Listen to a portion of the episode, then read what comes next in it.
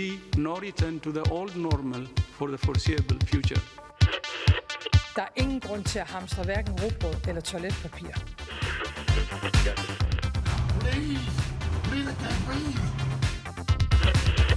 No politician in history has been treated worse.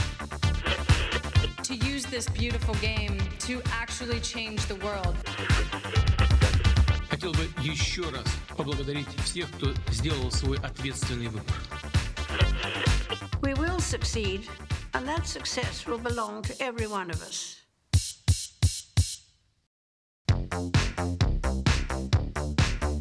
Góðan dag kæru hlustendur, þeir eru að hlusta á heimskviður.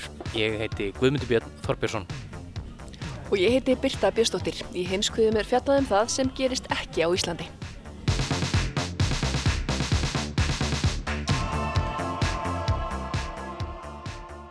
Já, eins og þeir eru farin að venjast kæru hlustendur, þá sitjum við Birta hér á kaffihúsi út af sóttvarnarreglum sem eru við líði í efstaleitinu. En það er fjölbreytur þáttur í vændum í dag, ekki satt, Birta? Jú, Guðmundur Björn. Það koma mér þess að við sögum góðar fréttir. Uh, góðu fréttirnar sem að berast og við tökum flest eftir núna eru frekningar af bóluefni sem er í þróun og gæti mögulega orðið veruleiki fyrir einhver okkar bara strax á nýju ári. Og þú ætlar eitthvað aðeins að fjalla um það og Dolly Parton vinkun okkar í því samengi er það ekki?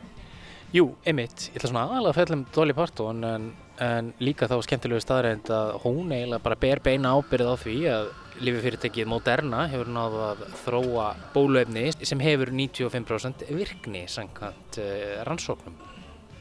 En svo ætlar bói Ágústsson að koma til okkar og tala um öfug þróun í norrænu samstarfi sem hefur átt sér stað undanfærin ár. En við ætlum að byrja í Armeníu og Azerbaijan, ekki satt? Jú, Nagorno-Karabakh, lítið hér að í söður Kaukasísfjöllunum hefur verið bitbein Armeníu og Azerbaijan áratugum saman. Nýlega kom til harðara átaka þar sem endaði með fríðarsamkomurlagi sem ekki eru allir ánaði með. Síðasta fríðarsamkomurlag endist í 26 ár en að baki ófriðnum eru flókin, pólitísk átök sem fleiri þjóðir hafa dreyist inn í. Hallgrimur Indriðarsson tekur nú við og hann rínir með aðstóð sérfræðinga í ástæðir þessara átaka og hvaða líkur séu og varanlegum friði í héræðinu. Nagorno-Karabakh er 4400 ferkilometra hérað, álíka stórstað flatarmáli og faksaflói. Armenar og Aserar hafa barist um yfiráði við héræðinu sem likur að ölluleiti innan Azerbaijan áratugum saman og tugir þúsunda hafa látið lífið í átökunum á þessum tíma. Nú síðast var barist um héræðið í sex vikur áður en samið var um frið. Til að leita skýringa á þessum stöðu og átökum er rétt að stikla á stóru í sögu héræðsins En fyrir frekari fróðleika rétt að vísa í nýlega umfjöllun veru ílóadóttur um sögu héraðsins í þættinum í ljósi sögunar. Í áranar ás hafa bæði kristnir armenar og íslamskir aserar af tyrknenskum uppruna búið í héraðinu. Það var lengst af undir armenskri stjórn svo vita sé en varð eftir aldamótin 1800 hluti af rúsneska keisaradæminu. Hópatinn tveir viðast að mestu hafa lifað í sátt og samlindi þangað til í byrjun 20. aldar.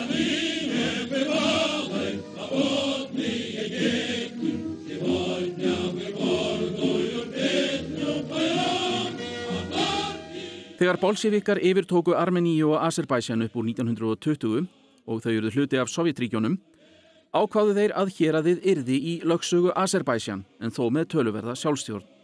Það var í raun Jósef Stalin sem tók þessa ákvörðun.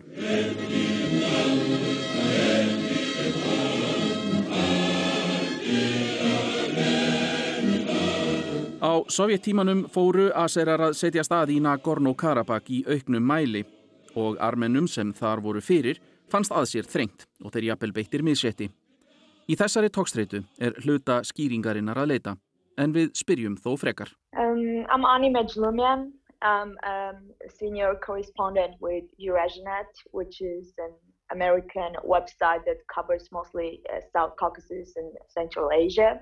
Ani Meisluman er bladamaður hjá miðlinum Eurasia. Hún er armensk, býr í Jerevan og hefur fylgst náið með þessari deilu. That's a million dollar question actually, like uh, everybody's asking it, like is this, you know, about oil, is this about gas or other natural resources? Of course there are some natural Þetta er miljón dollara spurningin sem allir spyrja mig að, segir Ani. En það er svarið ekki augljóst því það er ekki mikið um náttúruauðlindir. Það er þá helst að ólíuleðslur til Azerbaidsjans liggi um héræðið. Þetta er fyrst og fremst pólitík. To try to draw some sort of parallel, this is like Jerusalem basically for Armenia and for Azerbaijan. Til að setja þetta í einhvert samingi, þá er þetta Jérúsalem, Armena og Asera, en sem kunnugt er gera bæði Ísraelsmenn og palestínumenn tilkall til þeirra borgar. En svarið við spurningunni um hvers vegna átök eru svo tíðarna er ekki aðeins tilfinningamál. Ég reyndar mannettir að hafa spurt þessara spurningar fyrir mjög mörgum árum þegar ég var sjálfur að vinna í fréttum á og var á þessum slóðum og fekk þá svarið, hérna, þú verður að áttið á því að Nagorno-Karabakh er himneskur staður, það svarið. Þetta er Jón Ólafsson, profesor við Háskóla Íslands sem hefur fylst vel með málefnum Östur-Evrópu. Hann bætir því við að hann sé ekki vissum að þetta sé góð skýring.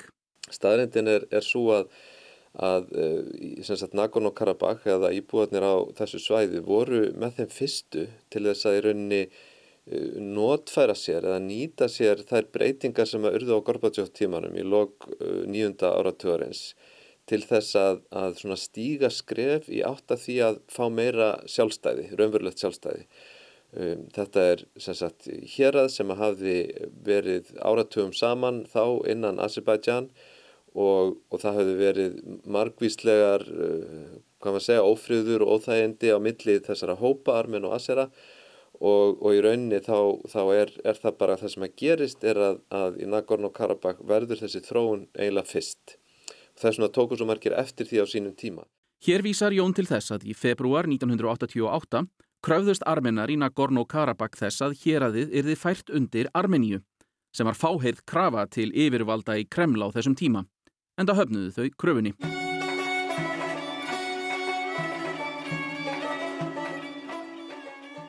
Jón bendir á að í kjölfarið hafi svipað gerst á fleiri stöðum í gömlu Sovjetríkjónum, til dæmis í Tjetjeníu og í Georgíu með líðveldin Abkhazíu og Suður Ossetíu. Þegar Aserar fengu sjálfstæði 1991 lístu þeir því yfir að Nagorno-Karabakh tilherði þeim. Armenarnir sem byggu þar sættu sig ekki við það og samtyktu í þjóðaratkvæðagreislu í desember sama ár að lýsa yfir sjálfstæði héraðsins. Aserar sniðgengu þá atkvæðagreislu og sjálfstæðið hefur aldrei verið viðukent alþjóðlega. Við það braust út stríð milli Armena í Nagorno-Karabakh og Asera sem hefur verið kallað frelsistríð Artsak en það er nafnið sem sjálfstæðið sinnaðir Armenar hafa gefið hinnu sjálfstæða ríki Nagorno-Karabakh. Armenarnir stuttu sjálfstæðið sinna. Jón Ólafsson var í Nagorno-Karabakh vorið 1991 þegar þessir sjálfstæðis tilburðir héraðsins voru að hefjast. Á þeim tíma þá uh, sá maður þetta þannig að armenar gætu tæplega haft þann styrk að ná öllu þessu svæð og sitt vald eins og markmiðu var. Svo gerðist það auðvitað vegna þess að það var styrkur sem að þeir höfðu utanfrá en, en Azerbaijan skorti. Armenar lögðu ekki aðeins undir sig héraðiðina Gorno-Karabakh heldur um 14% af landsvæði Azerbaidsjans utan hérasins, svæði milli Nagorno-Karabakh og landamærana að Armeníu. Samið var um vopna hlið í mæ 1994. Armenar heldu þeim svæðum sem þeir höfðu hertekið. Líka í Azerbaidsjan. Armeníja var þannig beintengt við Nagorno-Karabakh.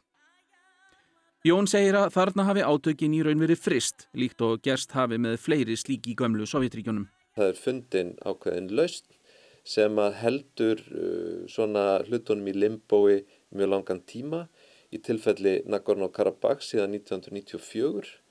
Þannig að, að ástandið sem að við erum að sjá núna, eða semst breytingin sem er að verða núna, er, er breyting á skipulagi sem eru raunni ríkt í, í 26 ár. Þannig að þú getur sagt, jú, vissulega, þarna hefur verið ófriður og eitthvað svo leið sko en að, á sinn hátt hefur líka verið friður þarna síðan uh, samkómulega var gert eða þess að það varð ákveðið niðurst árið 1994 sem hefur haldið síðan. Yfir miljón asera sem byggu í Nagorno-Karabakh og annar staðar í heimalandi sínu lendu á vergangi í og eftir stríð sem og fjöldi asera sem bjó í Armeníu og armena sem bjó í Azerbaijan. Flestir þeirra hafa ekki séð sér fært að snúa aftur. Friðurinn 1994 var uh, ekki neitt endanlegt og, og, og, og Azerbaijan gaf aldrei eins og í skín að, að það væri ætlunin að láta þetta vera svona til frambúðar. Jón segir að eftir þetta hafi Nagorno-Karabakh í raun verið undir stjórn armena þó alþjóðasamfélagið telji það tilheyra Azerbaijan. Á sama tíma þá hefur verið sko, fullur fjandskapur millir Armeni og Azerbaijan, engin, til dæmis engin umferð yfir landamæri eða neitt slíkt. Þannig að þetta hefur, þetta hefur haldist í svona limbói, má segja.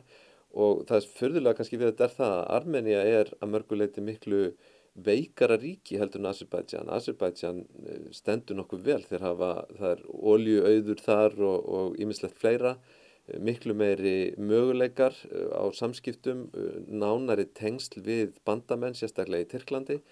Armenia er dálítið einangrað landlugt ríki en hefur treyst á Rúsland og á, á sagt, að halda góðum samskiptum við, við Rúsland og það hefur valdið því öll þessi ár að þetta hefur haldist í rauninni óbreytt, má segja. Átökin nú hófust 20. og 7. september. Það kom mörgum óvart en ekki þeim sem fylgdust með stöðunni. Ani Meislumjan bendir á að samskipti Tyrkja og Asera hafi farið vaksandi bæði með pólitískum stuðningi Tyrkja í skamvinnum bardögum um Nagorno-Karabakh í sumar en einnig með vopnaviðskiptum og sami einlegum heræfingum. I mean, if someone didn't know it was coming, it just it, is just ignorance. We all knew it's coming. We didn't know uh, precisely. Ef einhver vissi ekki að þessi átök voru í aðsíi, er það engungu vegna fáfræði. Við vissum að þetta myndi gerast. Hvort það er í september, november eða á næsta ári var ekki ljóst. En það var augljóst að Azerbaijan ætlaði að leysa þessa deilu með hernaði. Alþjóðlegir málamiðlarar voru hins vegar mest með hugan við heimsfaraldurinn og uppreist almennings eftir fósettakostningarnar í Kvítarúslandi. Því yfirsástmönum hvað þarna var í aðsí. A decades old conflict between Azerbaijan and Armenia reignited. Armenar sögðu að Aserar hefðu hleyfta fyrsta skotinu en Aserar sögðust verið að bregðast við aukinni framsókn Armena í héræðinu. Hvað sem rétt var í þessum efnum var ljóst að Asera rætluðu með stuðningi Tyrkja að láta til skara skrýða. Stóra breytingin er innkoma Tyrkja í þetta. Tyrkir hafa hingað til ekki viljað blanda sér með beinum hætti í, í þessi átök en gera það nú og það er alveg klart málað ástæðan fyrir því að Azerbaijan fyrir af stað með sínar hernaða, sín hernaður umsvið þarna í september eh, er svo þeir vita af stöðningi Tyrkja. Ani Meislumjan er sammála því að stuðningur Tyrkja hafi skipt sköpum fyrir Asera. Azerbaijan could do this before signing any, any military trade deal or anything with Turkey, but they didn't do this. Áður en Aserar fengu stuðning Tyrkja hefðu þeir aldrei farið í þetta stríð.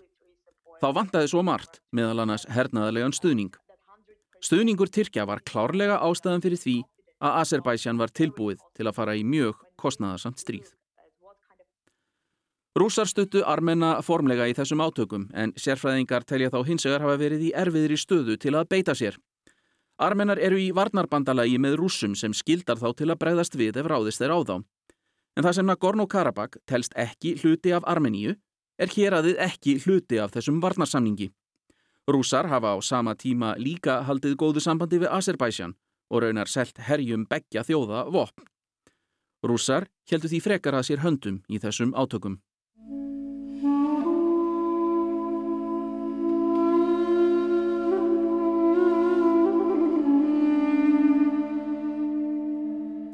Á þessum sex vikum sem átökin stóðu var samið þrísvarum vopnallið, en þau fóru í öllum tilvikum út um þúfur og þeir kendu hverju öðrum um. En yfirveldi Azerbaijan töluðu að miklu sjálfströsti. Fósetti landsins, Ilham Aliyev, saði meðal annars ítrekkað að það væri aðeins ein lausn á deilunni, að armenar dræju allt herlið sitt úr héræðinu. Azerar ættu fullan rétt á að taka til sín landsvæði sem væri þeirra eign samkvæmt alþjóðalögum. Við munum halda áfram til enda saði Aljef.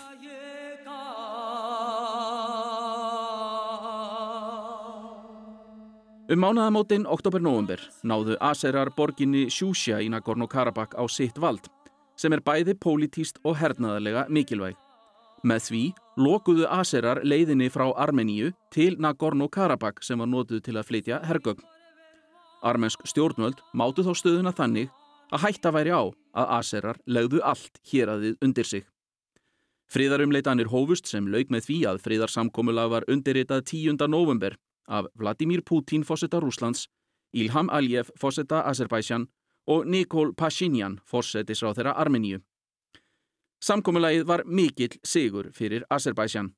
Þeir halda svæðinu sem þeir náðu í söður hlutana Gorno-Karabakh sem hafi verið á valdi Armena. Þar á meðal borginni Sjúsja. Þeir fá líka aftur svæðið milli héraðsins og landamærana að Armeníu sem Armenar höfðu lagt undir sig fyrir aldar fjórðungi. Armenar hafa eftir samkommulagið aðeins þriðjung að því landsvæði sem þeir höfðu áður en átökin hófust í september. Þá var arminum gert skilt að kalla allt herlið sitt tilbaka frá héræðinu en rúsneskir fríðarkesluliðar komu í staðin. Karabakk er okkar, saði Aljef fósetti Azerbaidsjans Sigur Reifur þegar samkommulagið var í höfn. En Jón Ólafsson bendir á að rússar og tyrkir fái líka eitthvað út úr samkommulaginu. Breytingin sem að hér er, er stuðlaðað er svo að uh, átök sem að hafa verið mjög staðbundin, verið svona lokal átök fullkomlega, eru orðin uh, sko, hérna, svæðis eða regional, þau eiga víðar í skýrskotun og, og með því að, að, að rússar þeir viðurkenna aðkomi Tyrkja, Tyrkir viðurkenna þannig séð að miklu leti yfir á rússa á svæðinu aðser að leifa rússum að vera inn á sínu landi með herabla að þetta er eitthvað sem að, að má segja að, að allir aðilar telli sig græð á nema auðvitað armenar og þeir eru veiki aðilinn í þessum, þessum, sam, þessum samkomlegi enda er alltaf verða vittlust í Armeníu. Það eru orðað sönnu. Fjöldi Armena hefur mótmælt á götum úti og meira að segja fósetti landsins hefur kvart fósettisáþeirann til að segja af sér. En Jón bendir á nýjungi samningnum sem er frjáls för fólksum svæðið. Og það á líka við annað landsvæði á landamærum Armeníu og Írans, Natshivan, sem Aserar ráða yfir en hefur verið einangrað frá landinu. Núna, samkvæmt, samkvæmt samningnum, þá er gert ráð fyrir því að það verði búin til göng yfir úr, sem sagt, af Azerbaidsjansku svæði yfir í Nakhchivan og það er vísa ekki búið að útskýra nákvæmlega hvernig það er að vera en, en eitt af markmiðum samningsins er að það verði frjálsför um allt þetta svæði. Sko hvort það þýðir til dæmis að það verði opnuð landamæri á milli Azerbaidsjans og Armenju, það verði þetta að fara þar á milli á náttúrulega bara framtíðin eftir að leiði ljós en það eru þetta hagsmunir, sérstaklega Rúslands og Tyrklands að koma einhvers konar eðlilegu sko eðlilegum samskiptum uh, í, á, á, í þess, á þessu svæði. Armeni og Tyrkland hafa til dæmis aldrei haft ofinn landamæri og það stafa nú meðal annars að sögulegum deilum en það lýsir líka bara fjandskapnum sem er á þessu svæði.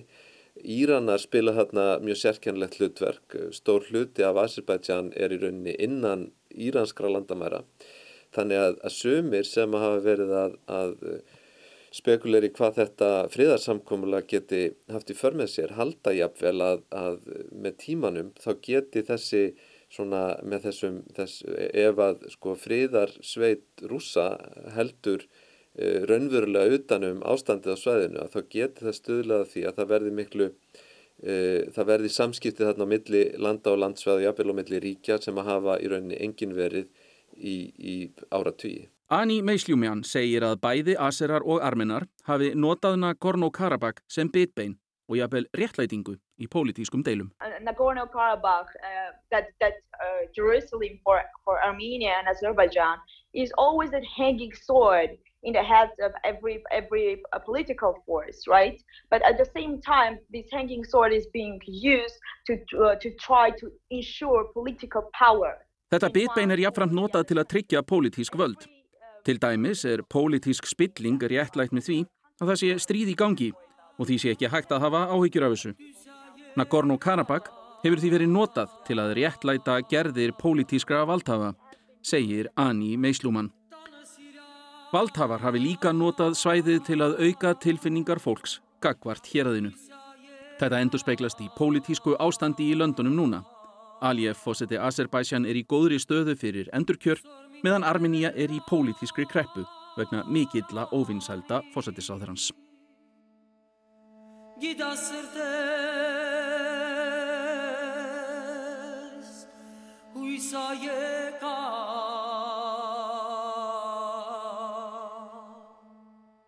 En er einhver vonum að varanlegur friður náist? Jón segir stöðuna nú í raun afturkvarf til stöðunar 1991 þegar hann var á ferði í Nagorno-Karabakh. Samkomiðlegi nú sé til fimm ára og framhaldið fari eftir því hvort reynd verði að festa þetta fyrirkomulega í sessi eða hvort armennar reynið að ná svæðunum á sitt vald aftur. Ég held að, að, að hérna, það sé bara hægt að, að sjá, sjá hvað gerist. Það er voðalega erfitt að spá um sko, hvernig, hvernig þetta festist í sessin. Þetta er mjög aðtiklisvert samkomulega líka þýleiti að þarna er verið að stíga skref sem að hlýtur að hafa áhrif fyrir önnur svona frosinn svæði. Það hefur áhrif klárlega fyrir, fyrir Georgi og fyrir Abkasju og Söður-Ossetíu. Uh, líka Transnistriu sem er þetta þessi ræma þarna, sem að, að hefur verið í limbo líka í 30 ár uh, maður getur spurt hvort þetta hafi einhver áhrif fyrir krím, krímskaða þannig að, við erum að sjá skref einmitt í áttina því að að, að sko hefja þessa, þessa litlu svæðiskonflikta upp á svona regional stig þar sem að rússar meðal annars eru að samþykja meiri aðkomu annara ríkja að samningum og annað slíkt. Ani Meisljúmann segir að það sé ekki mögulegt að ná samkomulagi sem allir eru sáttir við. Ástandið á svæðinu sé afar eldfimt. In the best interest of everybody in this region is the very fast resolution of the conflict and unblocking of economic uh, communications. That's the best thing for now anybody can do. But Besta lausnin fyrir svæðið er að laust finnist hratt á deilunni, en verður af því. Bæði löndin þurfa nú sterk stjórnvöld, sérstaklega Armenia. Það þarf að leiða þjóðina úr þessari stöðu, þannig að friðsamleg lausn finnist. Að auki hefur þessi stríðsregstur mikil efnahagsleg áhrif á bæði lönd og Anni Meisljúmann lætur tilfinningarnar aðeins ráða för þegar hún segir að þó líku séu á að stríð hefjist aftur, eigi það ekki að gerast. There is a chance of another war, of course. Of course, there is always a chance for that. But that's not the smart thing to do. Not any longer. We're losing generations with this war. We're, we're having hundreds of thousands, millions of displaced people. This can't go on for any longer, simply. And in, in my personal opinion, it shouldn't.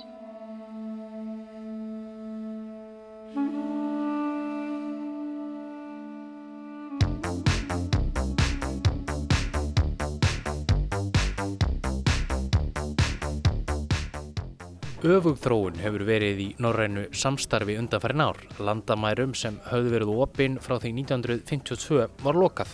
Fósettis ráþærar ríkjana samþykti fyrra að Norðurlönd eruðu samopnasta og sjálfbærasta svæði veraldar en sádraumur virðist fjarlægast. Kórunveran síkt ekki bara fólk heldur líka norrænt samstarf. Uppur kominn tortrygni og jafnvel ótti við og þau hugsun hefur skotið upp kollinum.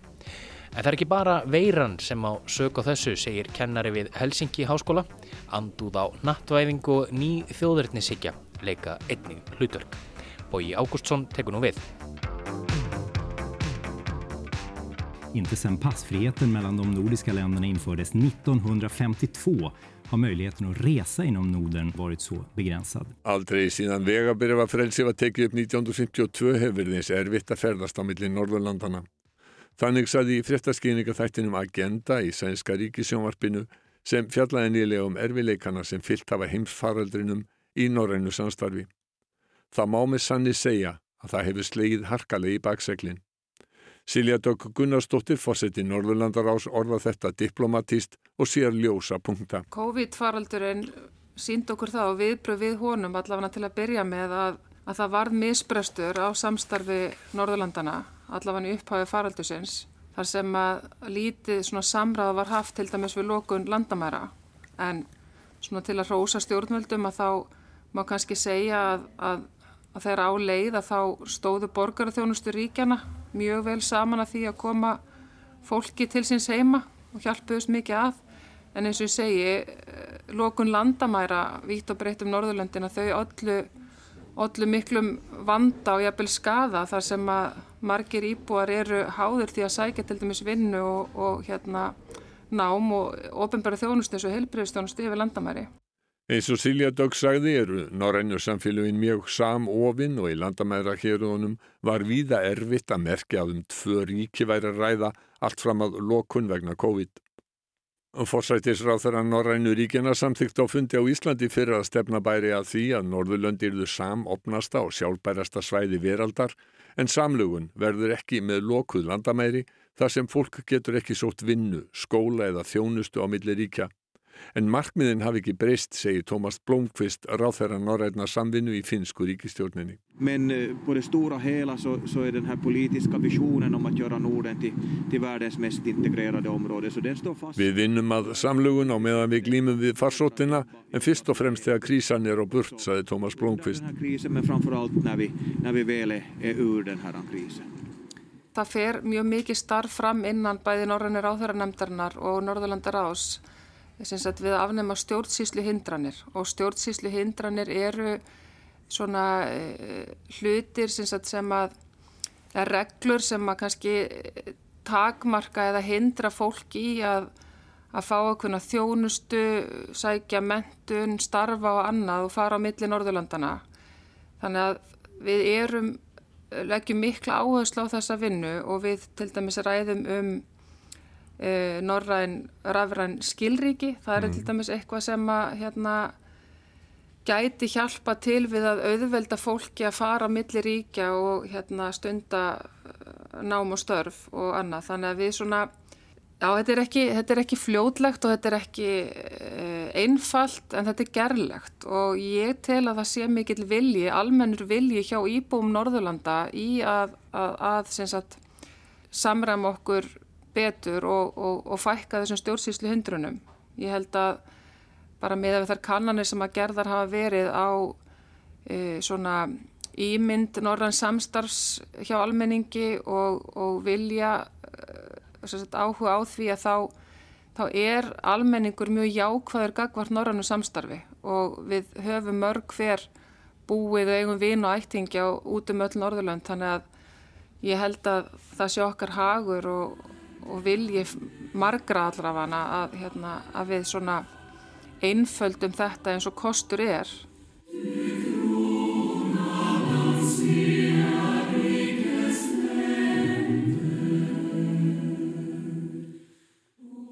Einn ángur væri óður til Vermlands í vestur hluta Svíþjóðar, nokkur með einn miðja vegumilli Oslo og Stokkóms, er meðal þekktustu norrænu þjóðlaga og getur á sinnhátt verið samnorrænt tákn því Vermland er næri landfræðilegri miðju Norðurlanda.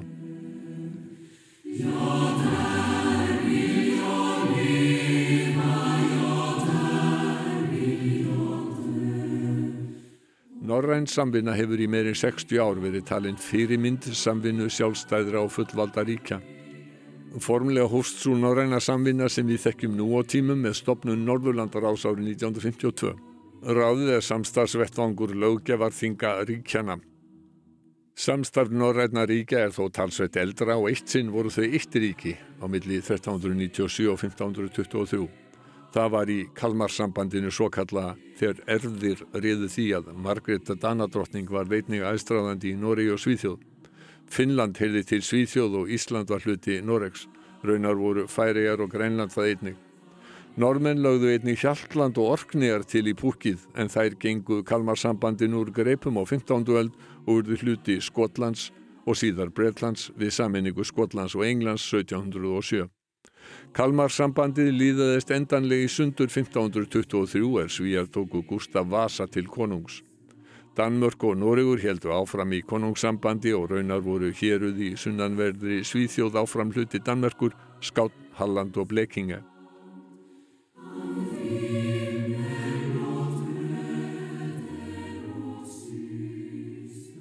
Á næstu öldum háðu Danir og Svíjar mörg stríð og byttust um að vera fórusturíki á Norðurlöndunum en fríður hefur ríkt að milli Norrænu þjóðana síðan 1814. Þá við lok Napoleonstyrjadana fengu Svíjar Noregi sinn hlut en Ísland, Færijar og Grænland voru áfram hluti Danmörkur. Finnland var hluti Rúslands næstu 100 árin. Þegar styrjöldum og erjum Dana og Svíja lög í byrjun 19. aldar var tími hinn að romantísku stefnurunin upp Í henni má finna upphaf skandinavísmans svonemda. Skandinavísminn naugt engum fylgis meðal mentaðrar borgarastjéttar og byggði á menningarlegum og pólitískum rökum, hugmyndinum skildleika þjóðana og óttanum við stærri nágræna, Þískaland í suðri og Rúsland í austri. Stefnan og hugmyndur um eitt norrænt ríki beigði skipurot þegar normenn og svíjar letu vera að koma dönum til hjálpar í stríði þeirra við þjóðveri 1864. Engu að síður ákvaðu ríkin að starfa saman og samræma lögjöfi í nokkru málaflokkum. Eftir fyrir heimstyrjöld bættust finnar og Íslandingar í hópin auk þess sem samstarfið varð viðtækara. Edvilið var merkasta samstarfið á sviði peningamála. Svíjar og Danir stopnuði myntbandalag 1873, bæði löndin bundu mynt sína við gull og normenn gengu í það bandalag tveimur árum síðar, lögðu niður spesjur og tóku upp krónu. Danir og Svíjar letu ríkistali lönd og leið og breyttu nafni gjaldmiðilsins í krónu sömu leiðis. Á Íslandi gaf landsbankin út íslenska krónun 1876 og var hún bundin dönsku krónunni. Sama mynd gildi því á Norðurlöndunum að Finnlandi undanskildu það var hluti rúsneska keisaradæmisins fram til 1918.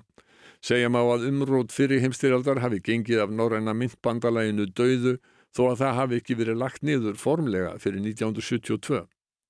Þrátt fyrir að myndbandalægið hafi farið út um þúur og sömulegis hugmyndur um norrænt varnarbandalag eftir síðari heimstyrjöldina er samvinna ríkjana náinn Löndin eru sameigilegur vinnumarkaður og borgarar njóta í grundvallar atriðum sama réttar. Sko, Norrænt samstarf er náttúrulega ekki bara þetta þingla samstarf sem ég er þáttangandi. Heldur er við náttúrulega með Norræn félög vitt og breytt um landið og, og þau eru mjög merkileg fyrir margra hluta sakir og hefur sér langa sögu.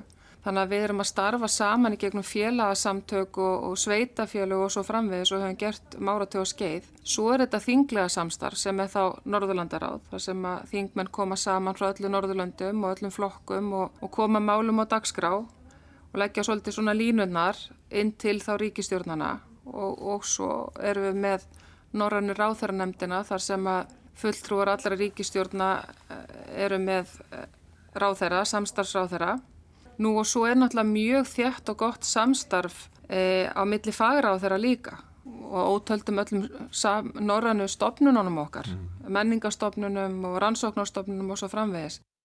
Lengst af náði samstarfið ekki til varnar og utanrikkismála en það hefur breyst á síðustu árum, ekki síst eftir að Torvald Stoltenberg fyrirverandi varnarmálar á þeirra Noregs skilaði að beinu utanrikkis á þeirra landana tilugum um framtíða samstarf í öryggis og varnarmálum. Það var árið 2009. Stoltenberg sagði að ekkert Norðurlandana væri nógu öflugt til að sjá eitt um eftirlit og öryggi í næsta nákvæmni sínu. Þess vegna yrðu þau að vinna saman. Ikke noe nordisk land makter i dag lenger å ha oversikt over sine nærområder, så vi må samarbeide hvis vi ønsker og få det til. Þessu starfi hefur þið haldið áfram og fyrir ári fólu Norrænu utanríkisráþurarnir Byrni Bjarnasinni fyrir hundi dómsmálaráþura að skrifa skýslu í sama anda og þá sem að Stoltenberg gerði fyrir rúmum áratug. Björn segir að vinnan hafi tekið miða því að í november 2009 var stopnað til Norræns varnarsamstarfs, hins svo kallaða Nordefco samstarfs. Í skipunabrefinu var mælt fyrir um þrjú verkefni að fjalla um nattarænar loftslagsbreytingar, að fjalla um fjölþáttaógnir og netöryggi og að styrkja og bæta fjölþjóða samstarf innan ramma alþjóðalaga. Björn Bjarnason skilaði skýslu sinni fyrra árinu, hún er nú nefnd Bjarnason skýslan.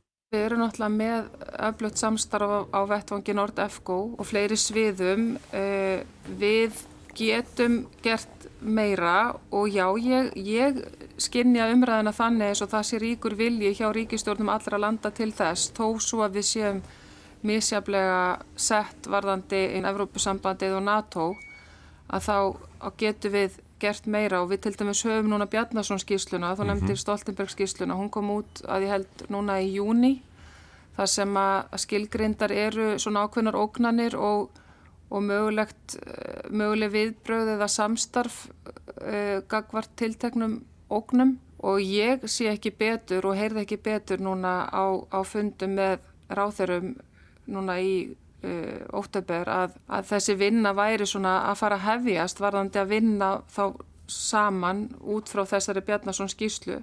Löndin eiga margt samígilegt, söguna, menninguna, tungumálin og lífsviðþorf sem eru um margt lík sem og virðing fyrir líðræði, jafnrétti og mannréttindum. Þá ríkir í löndunum tröst, félagslegt og samfélagslegt tröst sem Dagfinn Hóibróten, fyrverandi framkvæmdastjóri Norrænu ráþæranemdarinnar segir Norrænt gull. Vi ser at de nordiske landene skårer høyest i verden når det gjelder sosial tillit. Det er en gullgruve Norðurlöndi eru efst þegar að félagströst er mælt. Þetta er gulls í gildi fyrir Norðurlöndin. Án þessa tröst þyrtum við að búa við miklu meira skrifræði og eftirlit, segir Hóibrótin. En það er ekki allt gull sem glóir.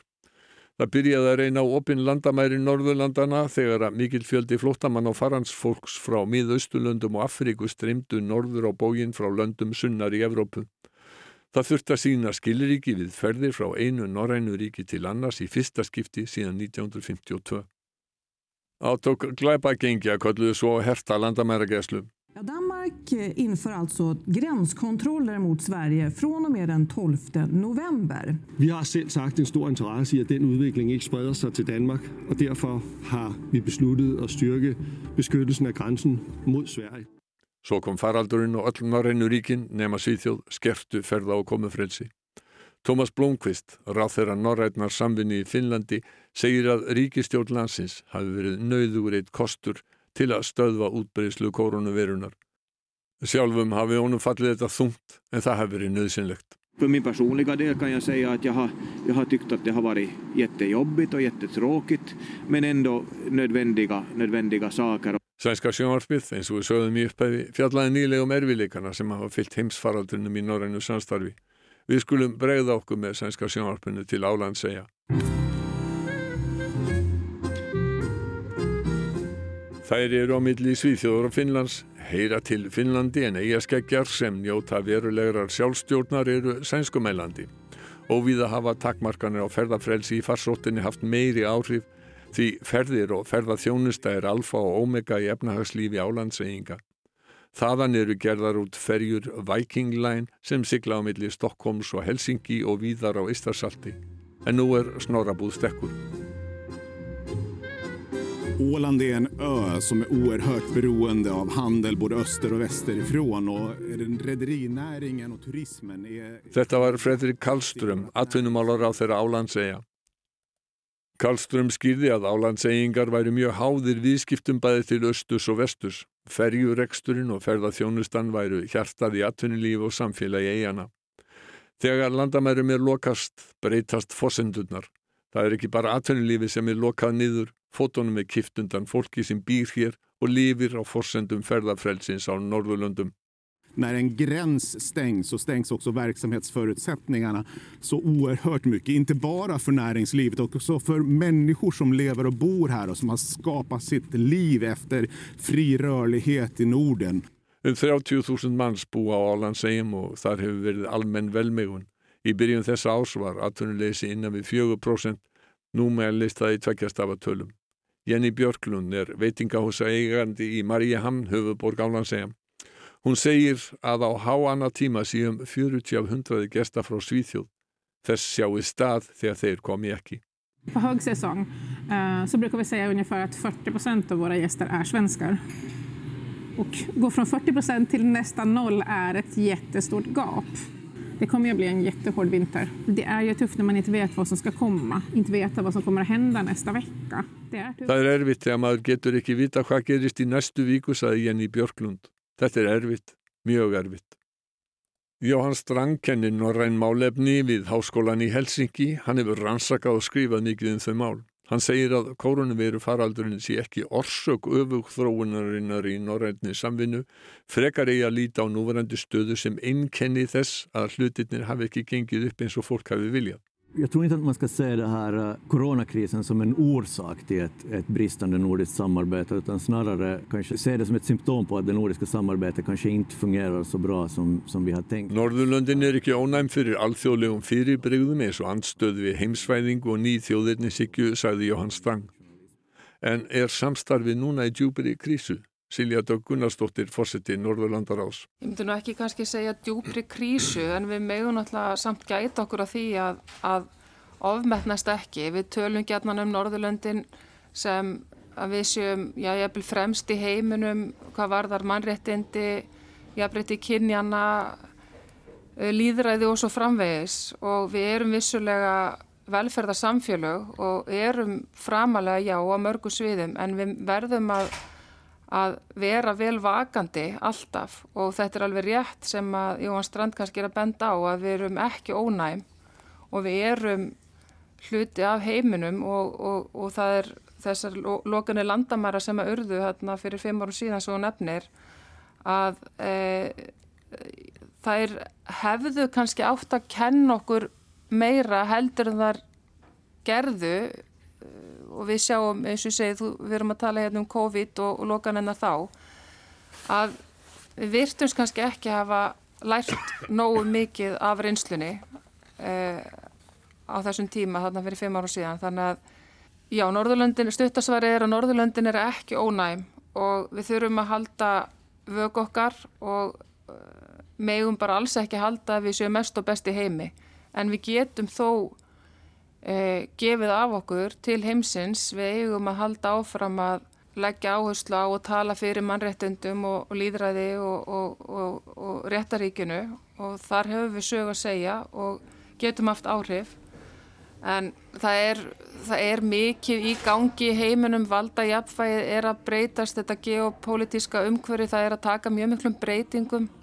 Alþjóðavæðingin hún hefur víð áhrif og svo eins og nefnir hérna já rasismi og alls konar öfgar hreyfingar til hægur og vinstri sem eru kannski orðna meira ábyrrandi núna Jóhann Strang spysi um vilja fólks til þess að búsetja sig í Grænlandi, kaupa sumarbústæði og eiga samskipti þegar hindranir eru á landamærum.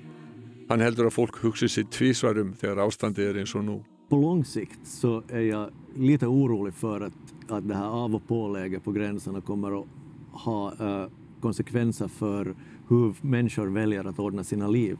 Kommer man att söka ett jobb i grannlandet? Kommer man att kunna köpa en sommarstuga i grannlandet? Sådana här saker kommer Við skulum leifa Fredrik Kallström atvinnumálar á þeirra áland segja að eiga loka orðið. Hann hefur áhyggjur af því að farsóttin hafi skadað samstarfn á rænu þjóðana. Á síðustu mánuðum hef ég séð sár sem er ekki að gróa, lokuð landamæri vekja óta á tilfinninguna um að það séu við og þau. Það á ekki heima á Norðurlöndunum því það er svo miklu meira sem saminur okkur en sundrar. De senaste månaderna så har jag sett hur såren mellan nationerna faktiskt inte läker utan snarare blir värre och en signal där man stänger gränsen mot varandra den sprider också en rädsla, en rädsla som gör att det är vi och dem och det är någonting som jag absolut inte tycker att ska vara i Norden för i Norden så är det mycket mer som förenar oss än som delar oss.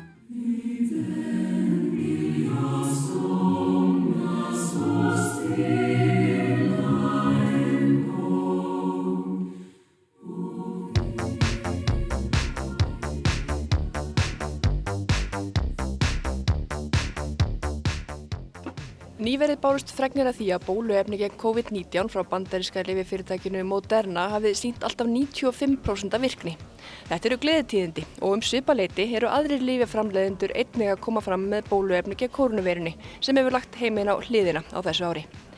En þróun bóluefnisins frá Moderna hefði líklega aldrei náðinni flugi ef ekki hefði verið fyrir röstnarlega peningagjöf eins ástsælasta gleðigjafa samtímans, country söngkonunar Dolly Parton. Guðmundur Björn tekur nú við og segir okkur frá þessari skemmtilegu staðarind og hvaða er við Dolly Parton sem fær okkur öll til að elska hana.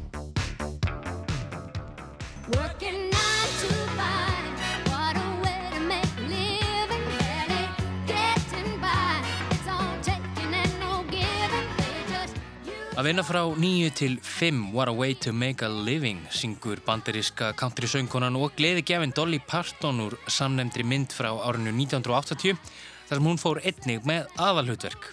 Í myndinni leikur Parton Doro Lee Rhodes, aðstofurkonu yfirmannsins Franklin Hart, sem er karlarempa af eldgamla skólarum, frekju hundur sem hlutgerir konur. Dora Lee, would you grab your pad and bring your pretty face in here, please? Yes, sir. Smán saman ná Dora Ley og samstagskonur hennar sem voru komna með upp í kók af Franklin Hart völdum í fyrirtækinu. Það er sjá til þess að karlar og konur fái sömu laun og koma á fót dagvistun fyrir börn starfsmanna. Og gamli perrin Franklin Hart sittur eftir með sárt ennið. Hold it right there. What? Turn around a second. Something wrong? I got something on my dress? Myndin er lungu orðin að klassík, hún er 40 ára gömul en tekst á við margar af sömu spurningum um jafnbreytti kynjana og við erum að fást við enn í dag. Og við þær spurningar hefur Dolly Parton einnig fengist við allan sinn ferill.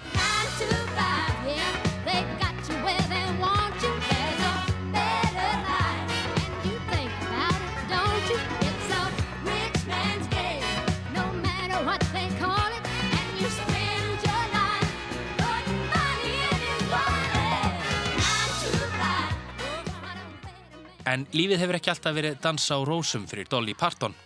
Hún fættist árið 1946 í smábænum Pittman Center í Tennessee, svo fjóruða í röð 12 sískina sem byggu við sára fátækt.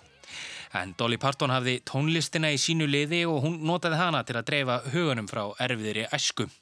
Frá 6 ára aldri söng hún í kirkjunni og byrjaði að spila á heimasmíðan gítar þegar hún var 7 ára. Fljótlega fór rött hennar og gítarleikur að vekja aðtegli og 13 ára tók hún upp sitt fyrsta lag. Árunum 1967 til 1978 sló hún í gegn sem country-söngkona en skipti svo yfir í poptónlist að mestu leiti um nokkura ára skeið. Áður en hún sneri sér aftur að country og þjóðlega tónlist. 25 sinnum hefur Dolly Parton setið á toppi bandariska vinsaldalistans Hún hefur tíu sinnum unnið Grammy-völunin og verið tilnæmt 49 sinnum til þeirra, hvorki meirinni minna. En það er ekki bara tónlist Dollyar sem vekur eftirtækt. Mannesken sjálfur ekki síður eftirtækt að verð. Með sitt mjóa mitti, stóru brjóst og liðað ljóst hárið hefur útlit hennar verið milli tannana á fólki frá því hún skaust upp á stjörnuheiminin.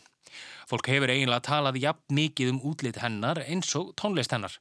Og svo er það þriðið þátturinn, personuleikin. Anna Marsabill Klausen, umsurnamaði lestarinnar, verður velkomin í heimskuður.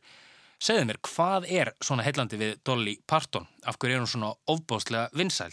Nú tónlistin hennar ekki beint eitthvað sem höfða til allra? Nei, það eru sko, það eru svo ótrúlega margar skýringar á þessu.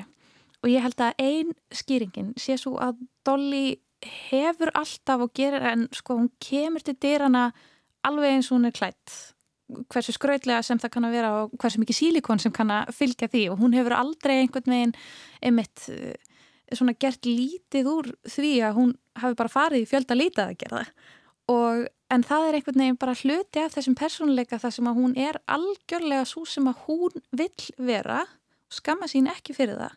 Og ég held að fólk sjáu það svolítið og kunni að meta það. Svo er hún þessi svona klassíska bandaríska saga af því að koma frá engu og hýfa sig upp meturastígan. Hún bara ólst upp í fátæk sem að hefur ekki þekst hér á landi síðan sko, já bara upphaf, upphaf síðustu aldar. Og það er líka eitthvað sem að auðvitað mjög margir bandaríkjumenn tengja við. Hvort sem þeir eru fátækir eða ríkir. Hún var kæft fór kannski svona á sínum tíma fyrir, hún gæt svolítið svona uh, svona miða við það að country stjórnur, kvenkins country stjórnur þegar hún er svona fyrst að meika það, það er áttu að vera ákveði prúðar og, og svona bara til skrauts. En hún var með munnin fyrir neðan nefið og gæta einn svona svara fyrir sig og, og varð fljótt þekkt fyrir það. Og ég held að hún sé einhvers konar tákn baráttu litla mannsins í bandarækjunum Hún er svona working class hero svolítið. Algjörlega eins og lægið 9 to 5 ber með sér. En svo er þetta með tónlistina og það sko þó að country tónlist tala ekki til allra að þá held ég að sögurnar sem að Dolly segir með tónlistin sinni tali til rosalega margra. 9 to 5 eru þetta dæmi um það og þetta er svona dæmi um einfalda þetta eru einfaldir textar sem samt svona hafa í sér einhverjar myndlíkingar sem við getum öll tengt við. Tumble out of bed and I stumble to the kitchen. Pour myself a cup of ambition And yawn and stretch and try to come to life. Tumble out of bed, stumble to the kitchen Pour myself a cup of ambition. Þú veist, hver kannast ekki við það að þurfa að hella í sér smá metnaði á mornana Working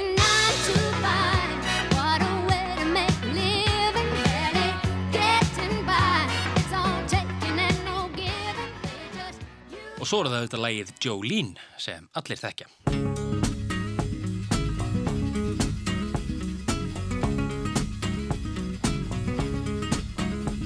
Jolene, Jolene, Jolene, Jolene I'm begging of you, please don't take my man Ef að þú fílar ekki lægið Jolene þá kannski vantar eitthvað einhverja smá tilfinningar og tónera bara í þig það er mín persónlega skoðun því að Jolene er allt öðruvísi texti en við heyrum í dag og höfum heyrt áður um þessa, þessa tegunda sambandi þar sem að þriðjaðli kemur inn. Það er rosalega mikil svona auðmygt í textanum og það er eiginlega engin leið til þess að sko, vera ekki með Dolly í liði.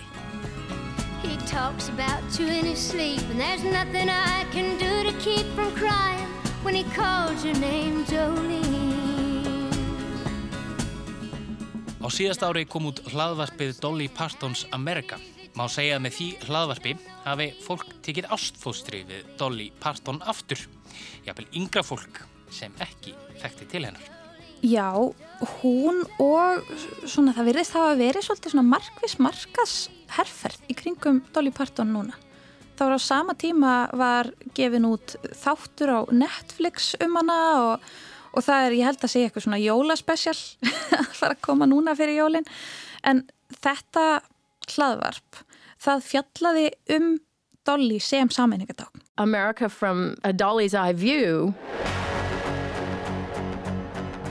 is this quivering mass of irreconcilable contradictions. I'm going to be both. I'm going to be adored by church ladies and the gays. Yeah, the sexuality. Og þetta er rosalega vel unnið hlaðvarp og uh, af Radiolab, Jad Abendroth, uh, sem er svona einn flottasti útvarsmaður í heimi, ofbúðslega klár og vann rosalega vel með tónlistinnar í hlaðvarpinu og kannski vakti áhuga á tónlistinnar sem að, já, hafði ekki verið til staðar í einhver tíma. For the last two years, I've been following Dolly Parton around the world. trying to figure out who she is. You'd be surprised to know who I am. That's why we're here. We're trying to find I out. know, but you're never going to find everything out. I'm a mystery to myself. En hann tengdi svo vel þessa nýju stöðu sem að við bandaríkinn stóðu í þar sem að það var talað um svona tvískipta þjóð þjóðuna sem kaust Donald Trump og þjóðuna sem hefði aldrei getað kosið Donald Trump? Og hvernig Dolly Parton stóð þarna á milli og saminaði það? Saminaði þessar tvær þjóðir. Og sem að fælstu þetta í því að hún er einhvers konar feminist tákn fyrir þá sem að myndu aldrei kjósa Donald Trump. En líka tákn hinnum eigin um ameríska drauminn og að maður þurfi ekki að vera fítn og mentaður til þess að meika það.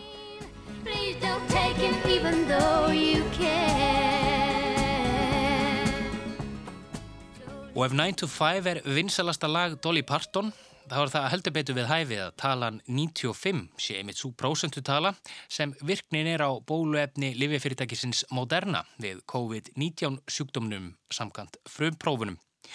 Hvernig tengist það Dolly Parton og hennar daglega streði frá 9 til 5? Jú, það er einmitt Dolly Parton sem nú eru allra vörum. þar sem hún ber töluverða ábyrð á því að bóluefni Moderna veriðist jafn gott og raunberi vitni.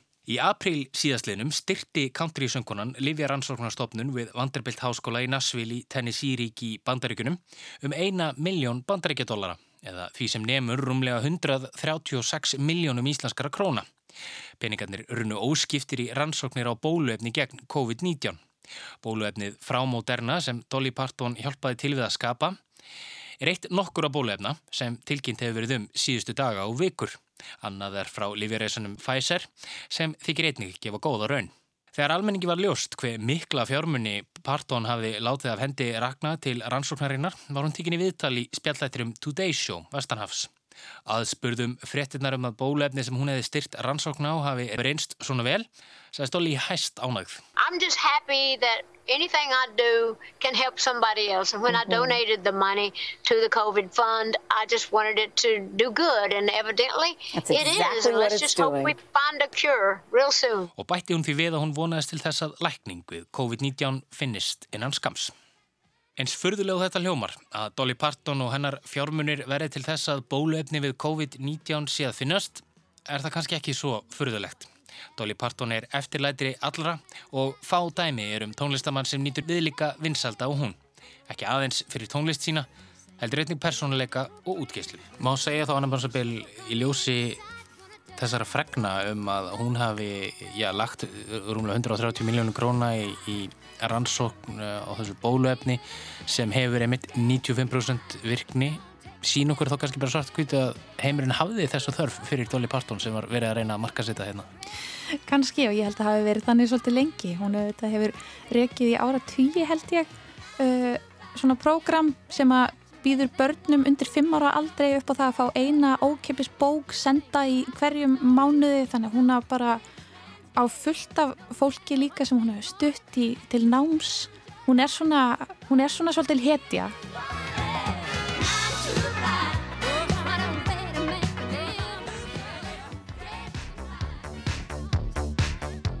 Það er nú alls ekki leiðilt að leifa Dolly Parton að eiga að loka tónin í heimskviðum að þessu sinni. Nei, en þær verða mitt ekki fleiri þessa vikuna. Við minnum á það að það er hægt að hlusta á allar heimskviður í hlaðvarpsveitum og í spilaranum á roof.is En við þökkum þeim sem hlýtu og heyrjumst aftur í næstu viku.